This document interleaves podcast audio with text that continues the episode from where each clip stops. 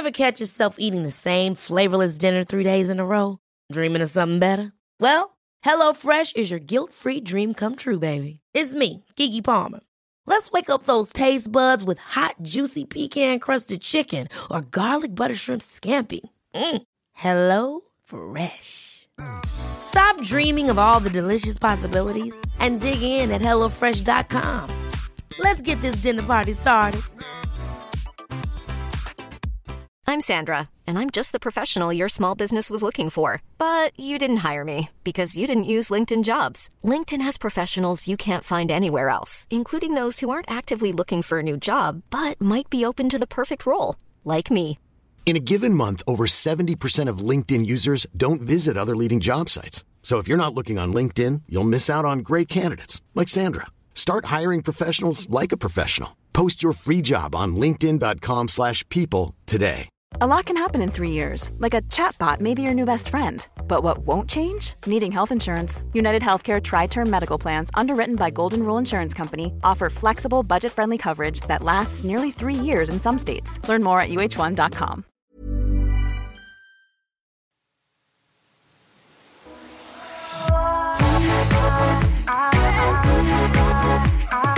Jag är på ett eh, jävla humör? alltså, jag började ju med Elvanse 30 milligram för, du får säga tiden, tre det- månader sedan kanske. Jag vet faktiskt inte när du bytte till den. Nej. Jag tror det är längre sedan, men skitsamma. Mm, tre, fyra månader sedan skulle jag säga. I början tog jag hela tiden. Kände att jag tappade mitt skratt och min liksom, personlighet en hel del. Även om det hjälpte till jättemycket i att jag... Jag sa ju till dig och Hanna häromdagen att jag har inte gråtit över jobbet på länge. Och det har ju såklart med er jättemycket att göra. Men också jättemycket med medicineringen. Jag går inte och Du kan lägger mig sortera 15 saker. som jag gjorde hela förra året. Flyttat fram min bedtime lite. Det känns skönt. Men jag känner ju verkligen så här, vissa dagar känns det värt det och så vissa dagar känner jag bara jag kan inte leva så här. Det beror ju på vad man värdesätter den dagen. Så typ när jag spelar in någonting, kanske är med i någon tv-produktion eller något sånt här, då känns det så himla viktigt att jag är den här alerta, glada, sprudlande, lite slarvskärmiga mig. Som jag ju inte riktigt blir på medicinen. Nej, du Eh, tappar plojet lite. Exakt, så då pratade jag med min psykiatriker och då sa han att du måste inte ta medicin hela tiden. Åh, aha. Oho, ny Kände jag information. då. och han sa då du behöver inte ta på helgen för det är väl det vanligaste att folk har ett vanligt jobb och då kan de inte klara av det så då äter de i veckorna och sen så är de lediga och glada och fnittriga på helgerna. Men så ser inte riktigt mitt liv ut. Så jag kollar helt enkelt på mitt schema vad jag ska göra. Om det är någonting som jag tror kommer bli ansträngande för mig, läser igenom briefs och så vidare. Om det kommer bli en lång dag så tar jag medicin och om det inte är det så tar jag inte. Idag har jag faktiskt tagit medicin för att jag inte tagit på väldigt länge och jag kände att jag bara ska få ihop, jag ska plocka ut kläder till Naked och det var allt möjligt. Och det jag har märkt nu när jag har tagit medicin länge är att jag eh, blir aldrig trött. Alltså jag blir ju en oövervinnlig arbets, arbetare. Arbetsmyra. Så att jag, eh, jag håller på, som jag ju gjorde utan medicin också, bokar grejer väldigt mycket. Och jag vill hjälpa till, jag ska fixa och det är så. Så som min personlighet är och som jag blir Ja, trött som, det, i vanliga känner, fall. det som jag skulle säga nästan är den starkaste är att du känner att inget är jobbigt. Nej, precis. För det är det om någon säger åh nej då måste man gå in på en hemsida och säger det okej det är Ja. inget problem. Jag tar mig in. Ja. Jag vet vad klockan jag är. kan in, alltså, ja, jag vet vad klockan jag vet hur man är. frågar om hjälp. Jag vet hur min dator finns. Jag har inga problem. Nej, ja men precis. Jag har struktur i hjärnan. Mm. Alltså jag kan dela upp en dag, jag kan dela upp mina uppgifter, jag kan vara i den uppgiften jag gör. Jag, det, jag känner mig inte splittrad. Och det gör att jag inte blir så himla trött. Och det, jag menar, det där är väl också varför sådana soccer moms i USA tar sina barns ADHD-medicin. Gör de det? Ja, för då blir man helt hyperfokus, klarar vad som helst. Ja, för att det är som att man blir, alltså, det är så subtilt i det. Jag tror folk som tänker att ah, jag ska ta en ADHD-tablett idag tror att de ska känna när det kickar in Mm. eller alltså sådär. Men för mig har det tagit flera, flera veckor om inte månader att förstå skillnaderna. Vad det Att är. vara så här, just det, i förrgår tog jag inte och då blev jag jätteledsen när det där hände. Mm. Eller ja, idag tog jag, ja det är därför det kliar på min kropp till exempel. Mm. Det är verkligen en biverkning jag har. Och att jag sover jättedåligt. Och det som är pissjobbigt är att nu reagerar jag inte jättemycket på 4 milligram Sömn- melotin- melatoninet. Ja, precis, jag behöver inte försöka säga.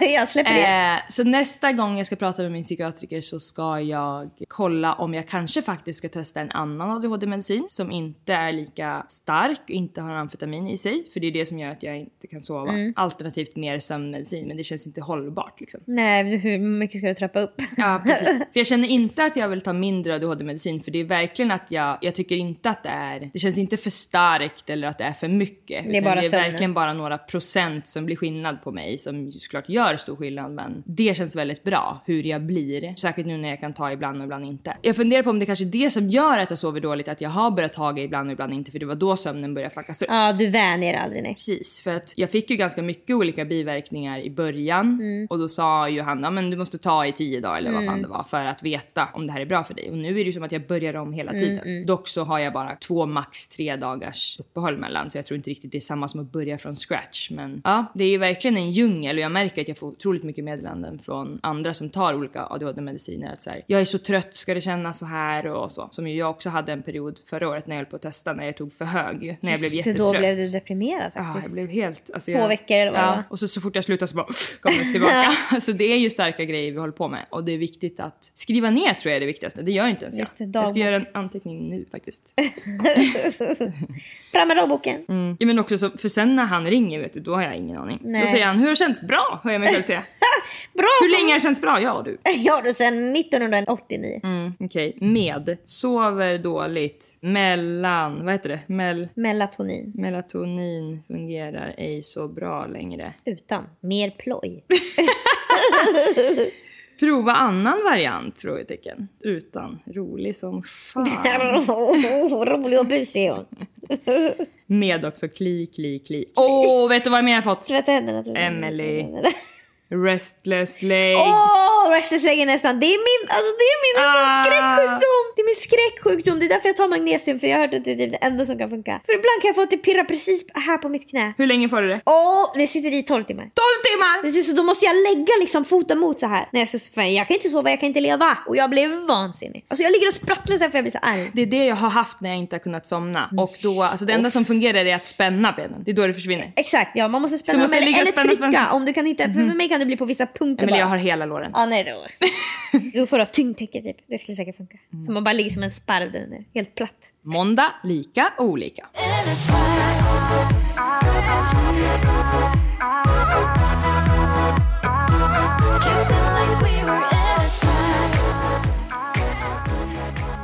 Jag kollar ju på mycket reality. Alldeles för mycket skulle vissa påstå. Och i reality så säger de ju, alltså jag kollar ju ofta på dating reality, det är det som är det bästa. Och då så får de ju alltid frågan i synken, vad är det viktigaste för dig i en relation? Och nästan alla svarar samma, säger de? kommunikation. Absolut ärlighet är också där uppe. Ärlighet och kommunikation. Det är det som alla säger och det känns ju väldigt, tycker jag, tomt, grunt. För att jag känner att jag Alltså, ser deras som att- ögon, de vet inte vad de säger. Nej, nej exakt. De försöker svara rätt på lärarens fråga. Ja, de har hört vad en mamma har sagt Ja. för så, Vad skulle du säga? oceaner av tid sen. Jag tror mitt viktigaste, alltså som alltid har varit mitt fokus och som ju har gjort att jag har hamnat väldigt tokigt har ju varit att jag vill känna passion och attraktion. Alltså, jag tänkte verkligen säga att för mig är det viktigaste att jag är kär. Ja precis, och det är ju det. Är ju det Ja. då. Ja. Och sen kan man jobba på det andra så länge man inte mår för dåligt, tänker jag. Ja, Lisa, jag vet att det är så du tänker men det här tipset ska du inte ge till någon för vilka sömnlösa nätter! Snälla Absolut. Lisa, lyssna, det här är ett jätte... Alltså det här är en ärlig men ett jätte... Jag tänker att det andra kan ju lösa sig efterhand och man kämpar som ett djur. Alltså ja, visst. Ja, Absolut. absolut. Vi tipsar ingen om detta. Men precis som de säger i reality så varar ärligheten längst och det är det viktigaste. Ja, det är ärlighet. Det kan du...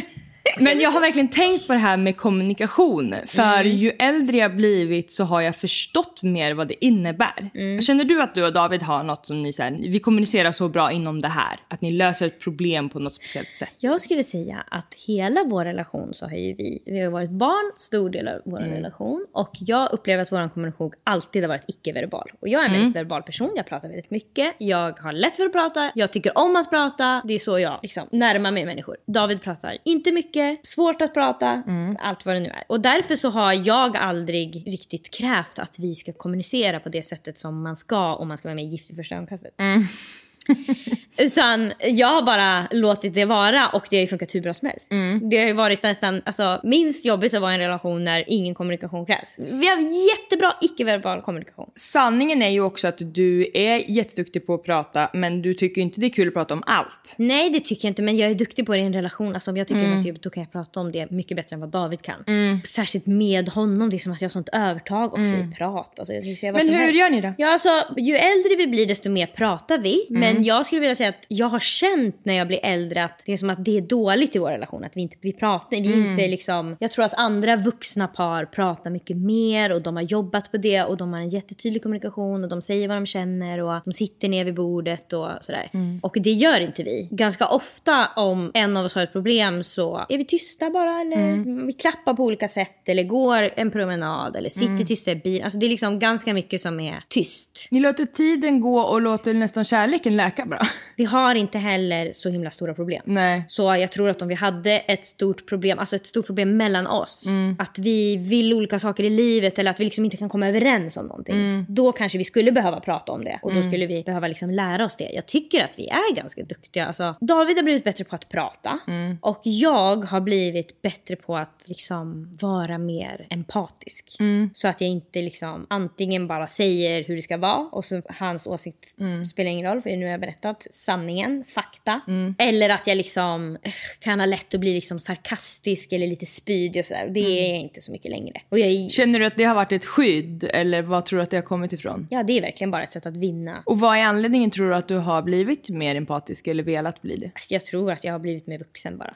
Du sa ju häromdagen att du inte har gråtit så mycket när du har kollat på filmer och sånt och nu kan du bara brista ut i gråt. Det händer ju mig allt för ofta. Ja. Och det kan vara the most random things. Och det kan vara... Och saker du har sett innan och inte brytt dig om. Ja, det, det var det jag fastnade vid mest faktiskt när du berättade. erfarenhet. Att det är som att du såg Jalla Jalla och den har du sett miljarder gånger. Väldigt många gånger. Och så såg du den nu igen och så, vad var det för scen du reagerade Det är på? när pappan liksom åsidosätter hela släkten och kulturen för sonen. Mm. Och säger gör vad du vill. Fast han har tjatat hela filmen på att han ska gifta sig. Så sen säger han bara, "Ah, ja, gör vad du vill. jag tar hand om det där. Mm. Och jag måste också säga faktiskt något som jag, nu ska jag säga en till grej som jag är duktig på. Mm. Be om ursäkt. Låt höra. Be om ursäkt. Jätte, alltså i relation menar jag. Jätteduktig på att säga Fan vad viktigt. Fucking viktigaste. det är nästan det. Vad är viktigast i en relation? Att man vågar säga förlåt. Jag skulle säga att det nästan viktigaste delen av kommunikationen som jag upplever att många har svårt med är att fight for peace. Att inte bråka för att vinna utan bråka för att ni ska komma tillbaka till det där fantastiska ni hade innan bråket. Men det kanske är det då som man skulle svara. Att vara kär och att vara ett team. Ja. Och då uttrycker sig ju de i reality ofta lite slarvigt och säger jag vill ha en bästa vän. Men det är ju det de menar troligtvis. Men det är bara det att de flestas bästa vän har de också på att tävla med. Jag vet, det är det här. Grejen är, det här har vi tagit upp som en vändpunkt. Något som kanske har gjort att vår relation har kunnat hålla så länge som den har. Att vi när vi var tonåringar sa det finns en verklighet och sen så finns det också backstage och där bor du och jag. Så vi kan när som helst gå av scenen, titta på varandra och prata om det som hände på scen. Så det gör ju att man alltid känner att man har en vän i viken, man har någon att hålla armkrok med och man har någon som man kan liksom släppa på allting för. Så man inte behöver upprätthålla någonting. Man behöver inte liksom göra sig till. Ja, men det är nästan som att vi bestämde att vi är varandras trumfkort. Ja, och mellan oss så ska det vara på ett sätt. Och sen om du flörtar med någon kille på festen så att du vill låtsas att ah, vadå, båda mina föräldrar är modeller. Och då skulle inte jag komma in och säga bara, fast du har ju aldrig gjort någon modell. Eller liksom, då säger jag bara ah, båda hennes föräldrar är modeller och hon ska tillbaka till Milano, vad vet jag. Det Alltså, där var så himla viktigt i tonåren också. Ja, för När det är då man ska hålla på. Leka ja, men om man vill få testa, vad händer om jag gör så här? Vad händer om jag bara säger till någon att jag liksom fick 300 på IQ-test? Säg inte emot nu. Men det som jag tänkte på då, faktiskt, det här kom upp för mig idag. Jag kollade på en tv-serie på Prime som heter The Marvelous Mrs Maisel. Det är deras sista säsong, den är 10 av 10 bra. Det är inget du någonsin ska kolla på, men det är en serie som jag uppskattar jättemycket. Och då är det så att, ja, det utspelar sig på typ 50-60-talet i New York och det är en kvinna som vill jobba inom komedi. Så att hon har ju väldigt tufft, hon ska vara stand-up komiker och alla bara tycker att hon ska ju sjunga. Hon borde vara sångerska istället för kvinnor är inte roliga. Och hon jobbar som manusförfattare för en liksom sån här talkshow. Så hon skriver skämt som den här personen då säger i början när de står och har en liten monolog. Det hjälper hon till att skriva. Och så har det blivit lite bråk mellan henne och den här killen för att han sa fel på ett skämt som hon hade skrivit så att liksom skämtet inte blev som hon ville. Det var första skämtet hon fick med och hon var så nöjd. Och då så, när han gjorde det så sa hon åh jättehögt så alla hörde som att han hade gjort något fel och då blev han fuckad. Han sa ditt skämt var inte kul, jag räddade upp det genom att göra så här och så här. I alla fall, så de har haft ett litet bråk och nu så har hon ändå inte fått sparken. Hon tror att hon ska få sparken, hon får inte det för att han såklart gillar henne då. Så han försöker kyssa henne och hon säger vad gör du? Är inte du gift? Och då säger han eh, jag är inte den typen av gift. Och då tänkte jag på att det finns säkert människor som har varit i den där världen på den där tiden som såg andra vara väldigt otrogna. Eller som, alltså jag tror säkert det finns folk som har åkt runt i olika rockband och aldrig varit otrogna. Fast alla andra har varit det och det är liksom som att alla är det. Det är så man gör. Men att vissa inte har varit det för att de har känt sig så nära sin partner och känt att de är ett team. Och att de bara är i en lekvärld när de är på jobbet och sen kommer de hem till den riktiga världen. Ja, och att det läskigaste som finns är att bli av med det teamet. Och att även om inte den andra teammedlemmen får reda på det så har man förstört för sig själv Mm. Ja, att liksom teamet. teamet. är viktigare. Ja. Och att man känner sig också trygg i teamet. Så det är liksom inget, jag känner inte att jag behöver hävda mig, jag känner inte att jag behöver bevisa någonting. Och då tänkte jag på att för väldigt många så har de aldrig, de har inte i sin ursprungsfamilj, de har Mm. inte bland sina vänner och de har inte i en kärleksrelation heller någonsin den där känslan av teamet. Bra Emelie, det är verkligen så. De har alltid ett lager på. Mm. Och tänk vad svårt då att skapa den teamkänslan när man hela tiden känner att man kan bli lämnad som man har blivit hela sitt liv eller man måste klara sig själv, ensam är stark och du föds själv och dör själv och du det har där- bara dig Det där själv är att något av skylla det på. konstigaste folk säger. Du föds själv och du dör själv. Vad menar de? Det För är i väl någon som, fall det är, gör man- Mamman är väl närmast någonsin när man föds Man och är någon minst- håller väl nästan alltid en i Man är handen när man minst dör. två när man föds. Man kan vara en när man dör. Men man kan absolut vara fler. Och om det handlar om att man har att det bara är du som föds och det bara är du som dör. Att det är din egna upplevelse. Det spelar ingen roll hur många som är i rummet. Då är man själv när man är på bio Då gör vi också. allting själv. Ja, då sitter jag själv och poddar just nu. så ja, det där fattar jag faktiskt ingenting av. Men alltså, så att jag tror verkligen att många aldrig har känt den där känslan av att vara helt trygg och i med en annan person. Nej. Och det är därför de säger att jag, behöver, jag vill ha en bästa vän. Fast de har aldrig haft en bästa vän för att ha en bästa vän är också att låta någon kliva in i det där inre rummet. Något som också, jag minns inte ens om det var du eller jag som började, jag tror att det var du, det är ju det här 1 till 10. När man frågar sin partner eller sin kompis hur gärna Ja, vill de, du det är, här? de är jättebra. Ja, ni ska gå på ballett du och David. Du har bokat för Davids skull. Ja. Men ni Och känner att det är lite off och bara hur gärna vill du det här? Och han säger fyra och du bara fuck jag är tre. Vi bokar av. Ja, ja, det här ska vi inte Eh, och det kan man ju också använda sig av i allt möjligt i livet såklart. Mm. Och något som jag och Henrik också har, eftersom han verkligen kan cracka vissa dagar och liksom bli helt, alltså verklighetsfrånvänd, jätteledsen, allt möjligt sånt i sin bipolaritet. Och jag med min ADHD kan ju också bli helt dränerad. Mm. Så har vi ett uttryck där vi säger nu är jag på röda på telefonen, på mobilen. Alltså jag är min iPhone och jag är på röda, det piper liksom. Man kan inte ringa mig, ingenting. Det, och då ta mig till en laddare. Precis, och då tar den andra över och liksom bäddar ner eller tappar upp ett bad eller liksom ser till, vi har liksom vissa grejer för varann som vi vet att den andra behöver. Och jag är så himla intresserad av att utforma tricks för att det ska bli bättre i olika Det relationer. är därför du jobbar med det du gör. För att du tycker bara om att komma på hacks. Verkligen. Alltså, och hacks som fungerar gör ju att man känner sig som en superhuman. Mm. Alltså, och det är det jag vill göra hela tiden. Så därför tittade jag med stora ögon när Mm. jag kom över en video på Instagram, en reel, där det är en lite äldre kvinna, enda jag vill lyssna på, Mm. som kommer med ett hack som jag absolut kommer att använda mig av. Och det är verkligen enkelt, det är liksom banalt, man borde ha kommit på det själv, Yes, men jag har inte det, det. det är de bästa hacksen. Det är de lättaste hacksen. Verkligen. One says marriage should be 50 50. It's the biggest crock of bullshit I've ever heard. It's never 50 50. Yeah. Ever. And so what we do is we quantify where we are. So if Steve comes home and he'll be like, I got 20, Just in terms of energy. just energy, investment, kindness, patience, I'm at a 20. And I'll be like, I'll cover you. I got you, brother. Like, I'll pull the 80. Sometimes we come home, which we have done a lot. My mom has been sick, and I'll say, I've got 10. And Steve, like two days ago, said, I'm riding a solid 25.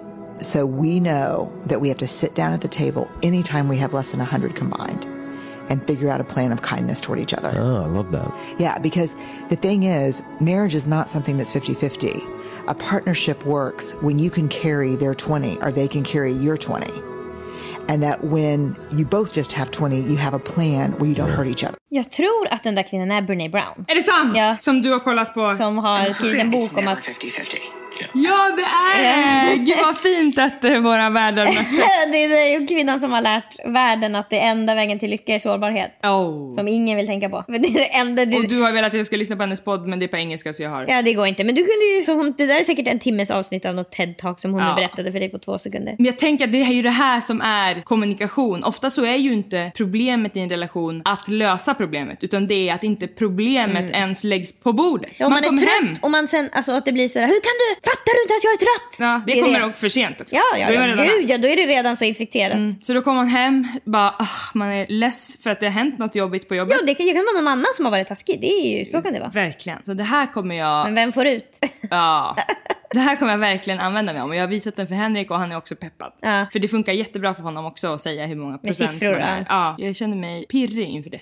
Inför uppgiften. ja, det förstår jag. Tror du att det hade funkat för dig och David? Så grejen är att den dag jag behöver säga I'm at 20 för att Mm. alltså, det är som att han kan säga du är på 24 och jag kan säga jag är på 50 och sen jag tänker jag är på 24. Alltså sådär. Ja. Han är verkligen the Emily Whisperer. Det är som att jag är gjord av alltså, gladpack. Man ser rakt igenom. Och han är ju också alltid på över 50 om du är... Alltså, precis Han som ser du ju är till ja. att vara. Ja men precis som du, om Henrik säger jag är på 10 då skulle du aldrig säga också på 10. Alltså då ska det vara kris och panik. Ja, då ska det vara kris och Du panik. Men jag känner ändå att det här är en bra öppning för mig att inte alltid då gå upp till 90 när jag är på 40. Ja. Och det blir tydligt för honom också att jag kanske inte alltid kan ställa upp och inte alltid kan vara liksom, klippan för att jag också har jobbiga dagar. Så jag tror det här kommer att vara jättebra för oss. Jag tror att det skulle kunna vara bra i många relationer. Jag tror också att det här kan vara bra om man är som Davidovic och inte alltid... Alltså att det kan vara lättare att säga jag är på 10 än att säga jag känner mig ledsen. Mm, ja, verkligen. För är också, jag är på 10, då kommer du också Ja, då fråga, måste jag "Ah, ju har fråga hänt?" varför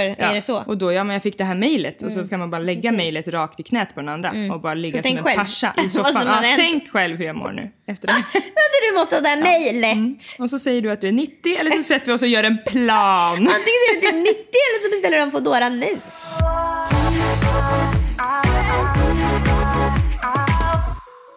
Det här är reklam för min dryck Kubik Hard Seltzer och riktar sig till dig över 25 år.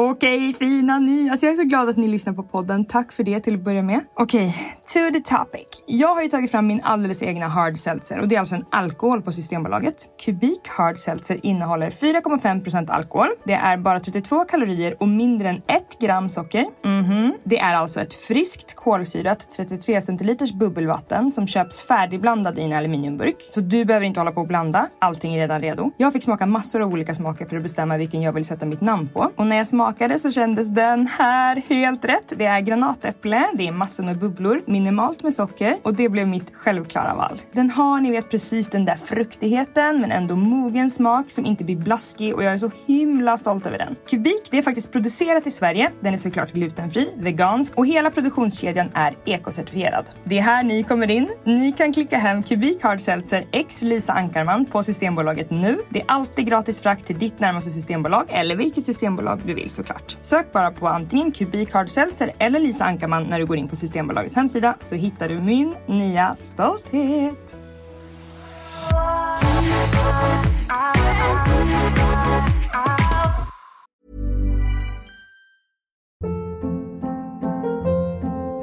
Hold up. What was that? Boring. No flavor. That was as bad as those leftovers you ate all week. Kiki Palmer here, and it's time to say hello to something fresh and guilt-free. Hello Fresh. Jazz up dinner with pecan-crusted chicken or garlic butter shrimp scampi. Now that's music to my mouth. Hello Fresh. Let's get this dinner party started. Discover all the delicious possibilities at hellofresh.com. I'm Sandra, and I'm just the professional your small business was looking for. But you didn't hire me because you didn't use LinkedIn jobs. LinkedIn has professionals you can't find anywhere else, including those who aren't actively looking for a new job but might be open to the perfect role, like me. In a given month, over 70% of LinkedIn users don't visit other leading job sites. So if you're not looking on LinkedIn, you'll miss out on great candidates like Sandra. Start hiring professionals like a professional. Post your free job on linkedin.com/people today. Cool fact a crocodile can't stick out its tongue. Also, you can get health insurance for a month or just under a year in some states. United Healthcare short term insurance plans, underwritten by Golden Rule Insurance Company, offer flexible, budget friendly coverage for you. Learn more at uh1.com.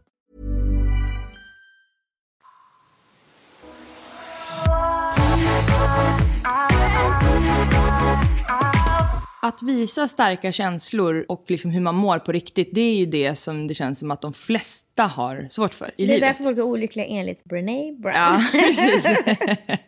Lyckan ligger på andra sidan sårbarhet. Okej. Jag kollar på en annan reality som heter What? Elitstyrkans hemligheter. Alltså rekommenderar för nästan alla faktiskt. För att det är både att man sitter själv och tänker, hade jag klarat det där? Alltså man känner sig äventyrslysten när man, eh, liksom, det är på riktigt när man kollar. De får göra helt otroliga saker. Klättra upp i helikoptrar och repellera ner från olika berg och det är bara helt, alltså det är äventyr, äventyr, äventyr. Och det är verkligen vanliga personer som vill visa sig på styva linan och eh, då göra ett sånt här test om man skulle kunna vara med i den otroliga SOG då, soldatstyrkan i Sverige typ. Det är FBI-igt. Det närmsta SWAT som man kommer. Eh, SWAT-igt menar jag, inte FBI-igt, herregud, de är bara kosta. De har bara kosta hela dagen. Det är otroligt bra cast senaste säsongen nu som jag kollar på. Det finns på More eller TV4 Play för den som vill kolla. Bland annat så är Bachelor Sebastian med och är jätteduktig. Så att de har blandat upp med lite så här typ kända elitidrottare och Sebastian då med vanlisar. Och en av vanlisarna är en tjej som är 21 år gammal. Ung, enligt alla som är över 30. Extremt ung för att vara med i Elitstyrkans hemligheter. Alltså jag har inte hört eller sett på maken. I tredje avsnittet så är det ett återkommande segment där de ska gå in och ur i sin aggressivitet. De ska öva på det för det är viktigt att kunna gå in i kamp och sen släppa det så att man inte går omkring och bär på aggressiviteten. Och då bestämmer ledarna i det här programmet vilka som ska slåss mot varandra. Alltså man mot man på något berg då. Så de får på sig boxningshandskar och en hjälm i liksom skumgummi och eh, munskydd. Det är det de har. Och sen ska de gå in i fullständig kamp. Och då kan det vara alltså kvinna mot man, lång mot kort, ung mot gammal. Och när det är dags då för den här tjejen, 21-åringen, så får hon köra mot en annan tjej. Då får jag andas ut i alla fall. För det har varit faktiskt riktigt obehagligt att se när alltså, de ska slåss tjej mot kille och det kan vara en stor man mot en liten tjej. Det hade de tagit bort den här säsongen. Mm, tur alltså, för det är verkligen obehagligt att se. Ja, det var alltså... Det kommer ibland upp klipp det blir perverst nästan. Alltså det, det kommer ibland upp klipp för mig när jag får se sådär äh, en NFL-stjärna dömd för och så får man se när de alltså tar sin flickvän och Ja. kastar rakt över henne. Mm, när de matar i ansiktet på sin fru. Eller, Och det alltså, sitter ser- två, det kan sitta barn bredvid. Ja, ja. Det är alltså då, Det ser ut som att det är trickfilmat. För man har Det- inte sett på maken. man.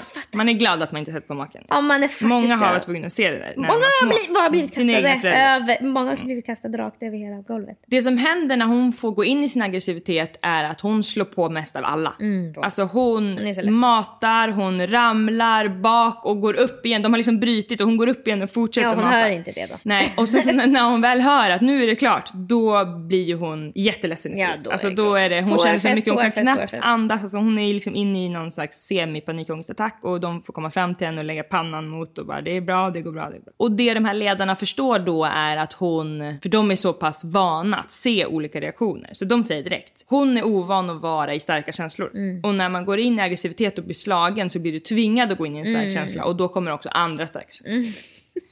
Som ett brev på posten. Och också är ju anledningen till att många inte vågar gå in i starka känslor för att det finns saker att Ja, dölja eller saker som är för jobbigt att ta upp och sådär. Det blir ett kanon. Man behöver ju tömma allt egentligen för att kunna visa starka känslor hela tiden. Behöver man ju öppna alla lådor. För annars kommer det bara, sipprar ut. Ja, annars slår man ihjäl någon helt plötsligt. Mm. Och i Elitstyrkans hemligheter så är det också ett ytterligare segment där de blir intervjuade av de här ledarna och då tar de ofta in de som har varit avvikande och kan prata med dem om vem är du egentligen, varför är du här? Och nu tar de in henne för att ta reda på varför hon annars inte går in i sina känslor och det är det vi ska lyssna på nu. I boxningsmomentet var nummer två Elina den rekryt som reagerade starkast känslomässigt. Instruktörerna har därför valt att ta in henne på ett förhör. Berätta lite hur du upplevde boxningen då. Eh, jag tyckte det var roligt. Men eh, sen efteråt vart jag lite tagen av eh, eh, situationen, eh, tror jag. Är du bra på att identifiera dina känslor? Nej, jag är nog ganska kass på det till och med. Varför då? Det är ju bara roligare att vara glad, liksom, tänker jag. Men livet är ju inte alltid glädje, eller hur? Nej, jag är nog ganska bra på att så här, distrahera bort eh, den typen av känslor. Har du provat någon gång att låta de känslorna bara komma fram? Alltså, typ inte. Vad är det i livet som har gjort dig ledsen, som du bara trycker bort och som du inte känner? Eh, ja, min pappa dog ju för några månader sedan. Han hade varit sjuk i eh, nästan två år. Han hade en hjärntumör. Och eh, den satt så han inte kunde prata och vart ganska förändrad. Och det var ganska jobbigt. Hur har du hanterat det?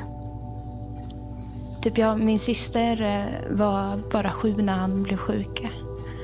Eh, och jag har nog så här, känt lite ansvar typ, i att vara en stabil punkt för henne. Liksom, när allt annat varit så instabilt kring henne. Precis då när han dog så uh, kände jag nog liksom att, eh, att jag hade varit så himla otillräcklig liksom, under de, den tiden han hade varit sjuk. Dåligt samvete. Vi ser ju den här tjejen som sprider positiv glädje.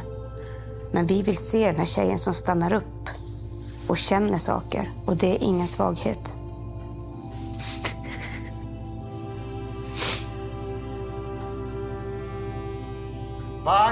Och det är så här de alltid gör, att de säger sanningen och sen väntar de jättelänge och sen ropar de bara på vakten. Så sen lämnar de dem med den sista tanken. Så så är hela uppbyggnaden Ja, av de här okej. slags intervjuerna. Och sen sitter de och kollar i kamerorna hur, Hur- man beter sig när man kommer tillbaka. För Mm. att det är då viktigt i, när man är med i då elitstyrkan. Mm. Att om man har lärt sig någonting om sig själv och fått feedback som man har låtit sjunka in så måste man agera på det direkt. Mhm. Du måste förändras snabbt för att du då är i Mm. krig och det är farliga saker. Så vi ska då lyssna på vad den här tjejen tar med sig Mm. när hon kommer tillbaka. Hon kommer tillbaka då i deras uppehållsrum som Mm. de kallar för logementet. Där är det 12 grader, de har bara sängar som de ligger på, de är iklädda i liksom massa lager och de har en öppen spis där de ofta sitter och turas om vem som får sitta närmast. Vill du flytta närmare?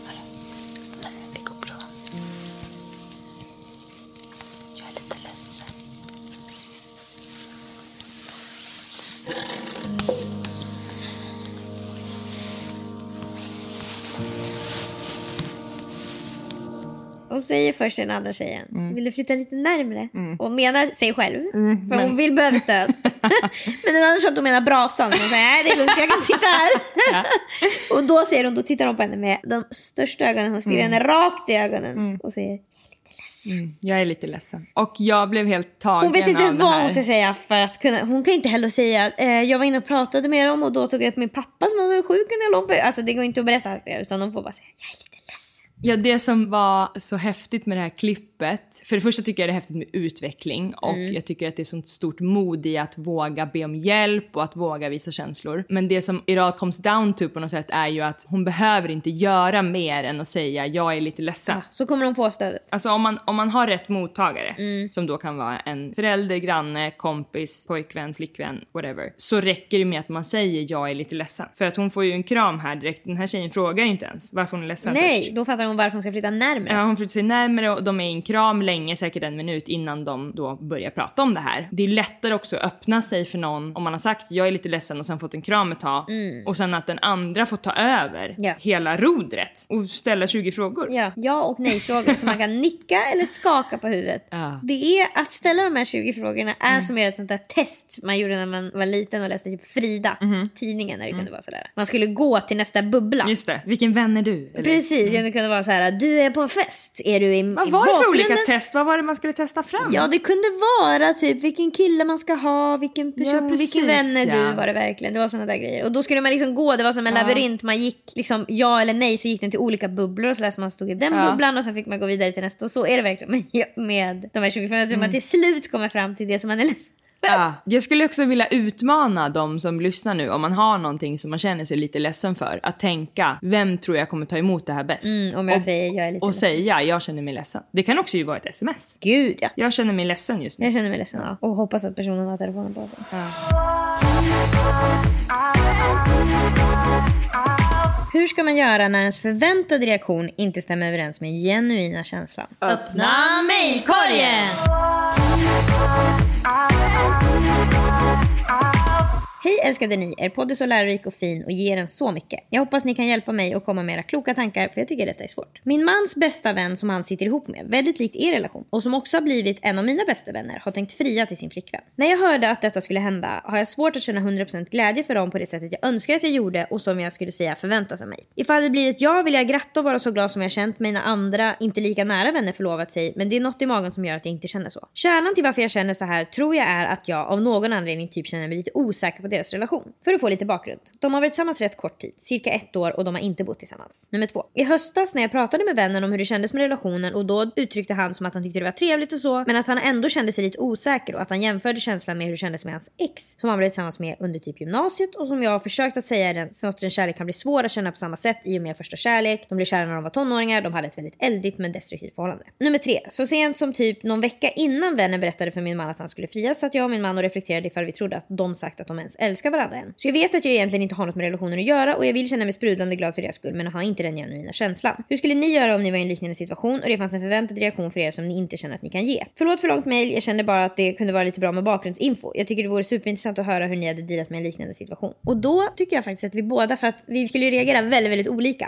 Och det är jätteintressant att höra. Vi kan börja med dig. Hur skulle Mm. du ha reagerat? Min första känsla är att jag inte skulle bry mig så mycket. Alltså jag skulle inte bry mig så mycket om att de ska ta det här beslutet. Nej, nummer ett skulle jag vilja säga att en förlovning är inte ett giftermål. Man kan förlova sig med nästan vem De ska bara förlova sig? Ja, det är en förlovning som ska ske. Okej, ja. Det är som att fråga om man ska bli ihop ungefär. Exakt, No big deal. Det är, alltså, förlovningar sker och går över. Alltså, det, det är liksom inget, du behöver inte tänka att de ska vara med varandra resten av livet. Nej, men jag skulle bara för- jag vill ändå att du ska tänka. Nu kanske den här relationen inte stämmer in på dig. Eller den här situationen inte stämmer in på Mm. dig. Men om du var i en situation där det förväntades av dig att du skulle bli väldigt glad och du inte blev det. Du kände inte känslan i bröstet. Då säger du ju det oftast. Men då gäller det dig själv. till exempel om... Inte i situationen. Men jag Nej, men jag, menar, jag menar till exempel det är en överraskningsfest för dig och du känner dig ledsen. Du kommer hem och alla säger grattis! Alltså jag har inget problem i första skedet att vara jätteglad så att alla runt omkring mig tror att jag är jätteglad. Ja, och sen... Det har jag ju inte problem med alls. Alltså, det är ju hela liksom, att kunna vara en programledare eller influencer eller vad som helst är ju att kunna jobba Mm. Gå in i en roll. och vara liksom superglad fast man har haft en pissig dag. Mm. Sen är det ju jättefint att kunna dela med sig av pisset också vilket jag tycker att jag gör ibland men jag har inget problem att, och det kan säkert vissa uppfatta som då enkelt sagt falsk. Mm. Och falsk skulle jag verkligen kunna vara om jag ville men jag uppfattar mig inte själv som att jag är det som person. Men jag skulle vilja säga att jag skulle i den här situationen reagera så som mina vänner önskar att jag skulle reagera. Alltså jag skulle Mm. göra det för deras skull liksom. Då skulle du göra en liten show. Ja, gud ja. Verkligen. Och jag tror inte heller att jag har så stort problem att vara i den stunden. För jag gillar ju verkligen firande. Mm. Jag gillar verkligen fest och liksom när det är pompa och ståt. Så jag är helt säker på att jag hade kunnat hitta glädjen i överraskningsmomentet. Men precis, att nu wow, nu händer det här. Ja, åh, liksom ja. så. Och också försöka lita på att jag har ingen aning om vad som är i deras relation. Mm. Och nu har han tagit det här beslutet och han är min vän. Liksom. Men jag tror också att som hon liksom berättar att det som gör henne orolig är att hon inte är säker på att relationen kommer hålla. Och det spelar ju och ingen det roll. spelar ingen roll. Det är, Nej. precis, det är det jag vill säga. Du kan fortfarande vara glad. Och det är det att det vore ju trevligt om hon kunde hitta den här glädjen så att hon får vara glad vid förlovningstillfället Ja. eller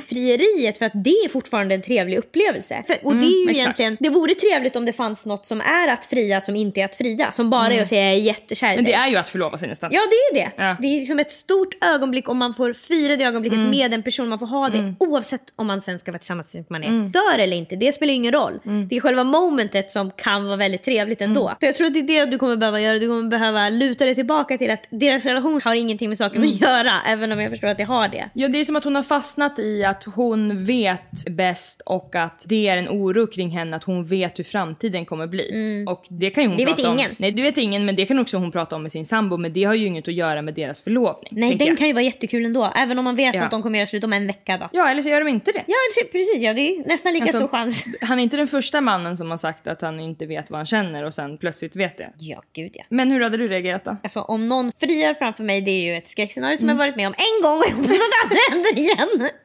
Nej, jag har varit med om det två gånger faktiskt. Men första gången var inget skräckscenario, men andra var verkligen det. Det var på nyårsafton. Men det som jag... Det, det förväntas inte heller så mycket. Det är få som kollar mot mig och säger Emily, Mm. fattar du?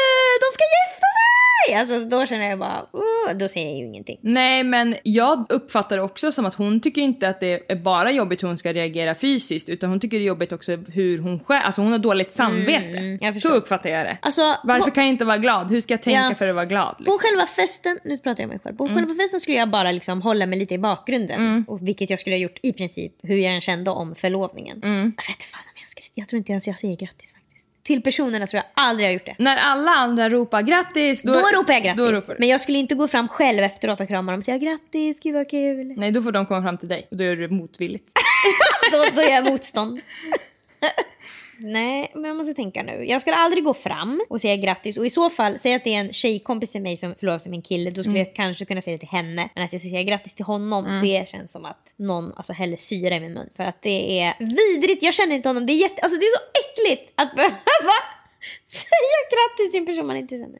För mig. Ja, ja. Och det är också väldigt viktigt för mig ofta att andra, alltså om jag säger, det här har inte hänt, men säger att jag har förlovat mig med David, att Ja. då ska komma fram olika random och säga grattis till mig. ja, ja, precis. Då känner jag bara, oh. Men det här är ju hennes närmaste, närmaste uttrycker hon det Mm. som. Och jag tänker att det här kan vara en bra övning för henne också inför framtiden. Därför att det är viktigt i livet att vara en person som låter andra ta sina egna beslut om sina egna relationer. Om man till exempel får barn, självklart ska man skydda sitt barn. Men man kommer aldrig kunna säga liksom, Mm. du får verkligen inte vara med den där personen. Eller ah, hon är inte bra för dig. Folk eller... tar jättestora beslut. De tar Mm. beslut om vart de ska jobba, hur deras familj ska se ut, vem de ska vara i en relation med, vad de ska lägga energi på och inte, vart de ska bo, vart de ska resa. Och alla de besluten måste man kunna hålla sig utanför. Mm. Man får aldrig känna, man får känna, okej, man får känna att man hade ett tips som hade kunnat varit bättre. Man får inte- också ge tips, men då måste det vara tydligt att det är ett tips Ja. och inte att man har bestämt eller att man hånar eller... Man får det- inte säga det det här är är- en hjärndöd idé av dig det- till exempel.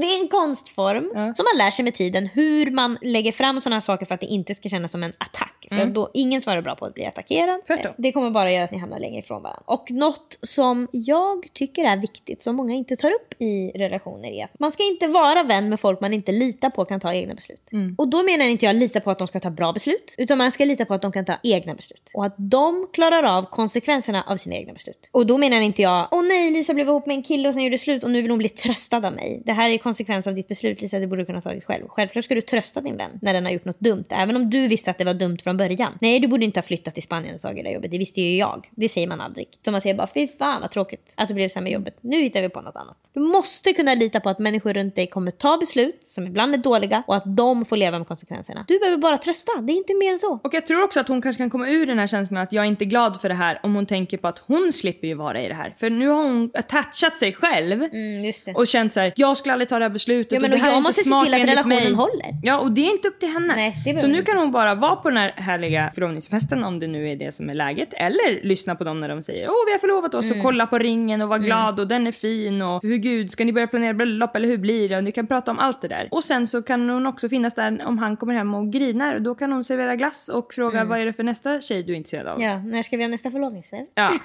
För livet behöver faktiskt inte tas på så otroligt stort allvar. Nej, alltså förlovningar kommer och förlovningar går. Ja. Så, och lite är det också, det är inte alla som gör ett stort frieri, eller det är inte Mm. alla som förlovar sig och gifter sig. Så passa på när någon gör det och fira det Mm. då. Var glad och, och som, särskilt om man är en sån person som tycker det är kul med bröllop, alltså det tycker ju de flesta. Så passa på då och gå på ett bröllop med ett par som du känner, ah, det här är inget par som skulle vinna årets par. Nej men skitsamma, gå på bröllopet, ta en drink, prata med en morbror. Alltså det är Mm. Öva kul på att släppa kontrollen. Ja, jag tror det är det. Och det är helt okej om du inte känner den där genuina jättekänslan. Du behöver inte tvinga fram den. Nej. Du behöver inte heller säga till dem, åh vad kul att ni är förlovade men jag känner inte så glad över det. Men, Nej, nej, nej. men du behöver inte tvinga fram det. Du som Lisa säger, det här kan du verkligen prata om med din kille. Ja. Och säga så här, gud vad det är konstigt att jag inte kan känna mig glad att Malte och Olivia har Och sen får förlovat sig. man tvinga fram det som känns naturligt. Antingen Ja. så gör du som Emily, står i ett hörn, eller gör du som mig, står längst fram och Det kramar. det beror Båda på funkar. din person, Så länge du, du inte gör övergrepp på dig själv. Jag ska aldrig fram och ta kramen och Lisa ska aldrig stå i hörnet. Alltså det, Mm. man behöver inte liksom tvinga fram en reaktion som inte är genuin, för, alltså, som inte ligger i ens person. Mm. Men om man är en person som ofta är, är längst fram och skriker ah! när någon har förlovat sig, då kan man faktiskt behöva klämma fram ett ah! Ett litet Vet du vad det är också? För jag känner mig inte falsk för att anledningen till att det känns genuint är ju att jag gör det för deras skull. Hade jag gjort det för min egen skull, Mm. Då för att uppfattas på ett speciellt sätt eller för att vara en härlig person, då börjar vi tipptappa på Då börjar vi gå över till falsies. orm. Ja, precis. Men det krävs ju också när man gör en sån här stor grej för att det ska vara en härlig upplevelse att vissa blir väldigt glada. Jag är som en sån där gråterska fast tvärtom. Just det, exakt. Och det är verkligen så jag kan tänka på ibland eftersom att jag är väldigt långt ifrån gråterskorna. Mm. Men jag tycker också att det är jobbigt om jag skulle vara på några fria tjejer och det är helt tyst. För det är bara jag, Mm. Precis. personer som mig Ja. i rummet, Ja. Mm. som bara står och säger okej, ja, vart ska vi äta? Så det kan jag verkligen känna en stor tacksamhet när jag tittar runt mig när sådana här stora grejer händer. Eller, alltså det kan vara lite vad som helst som jag inte känner ett genuint intresse inför. Och att andra är där och frågar då. För annars känner jag att jag måste fråga, hur är det med nya jobbet? Fast jag inte, alltså det tar Men emot. alla behövs och allt har sin plats. så. Mm, bara man är genuin mot sig själv och gör det som känns bra i stunden så länge man inte skadar någon, då är man rätt ute. Helt rätt ut. Maila oss på likaolikapodden gmail.com och ge jättegärna podden fem stjärnor i din poddapp. Ha det så gött. Ha det så gött. Ska du säga något? Ska du hjälpa till med den här podden? Hej då allihopa! Ha det så bra, vi ses om en vecka. I speak my truth or do I filter how I feel? I wonder, wouldn't it be nice to live inside a world that isn't black and white? I wonder what it's like to be my friends. Hope that they don't think I'll forget about them. I wonder, I wonder. Right before I close my eyes, the only thing that's on that you feel it too.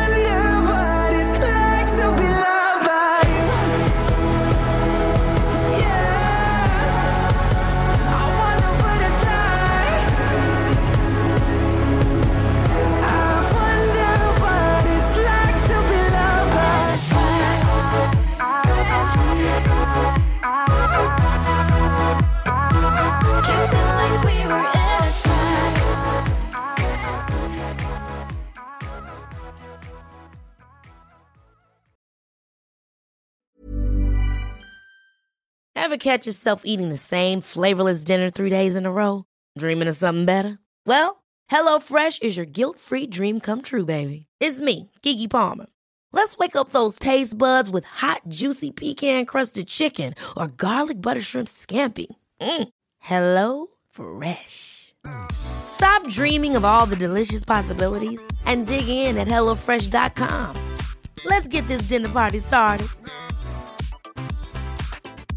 Even when we're on a budget, we still deserve nice things. Quince is a place to scoop up stunning high-end goods for 50 to 80% less than similar brands. They have buttery soft cashmere sweaters starting at $50, luxurious Italian leather bags, and so much more. Plus, Quince only works with factories that use safe, ethical, and responsible manufacturing. Get the high-end goods you'll love without the high price tag with Quince. Go to quince.com/style for free shipping and 365-day returns.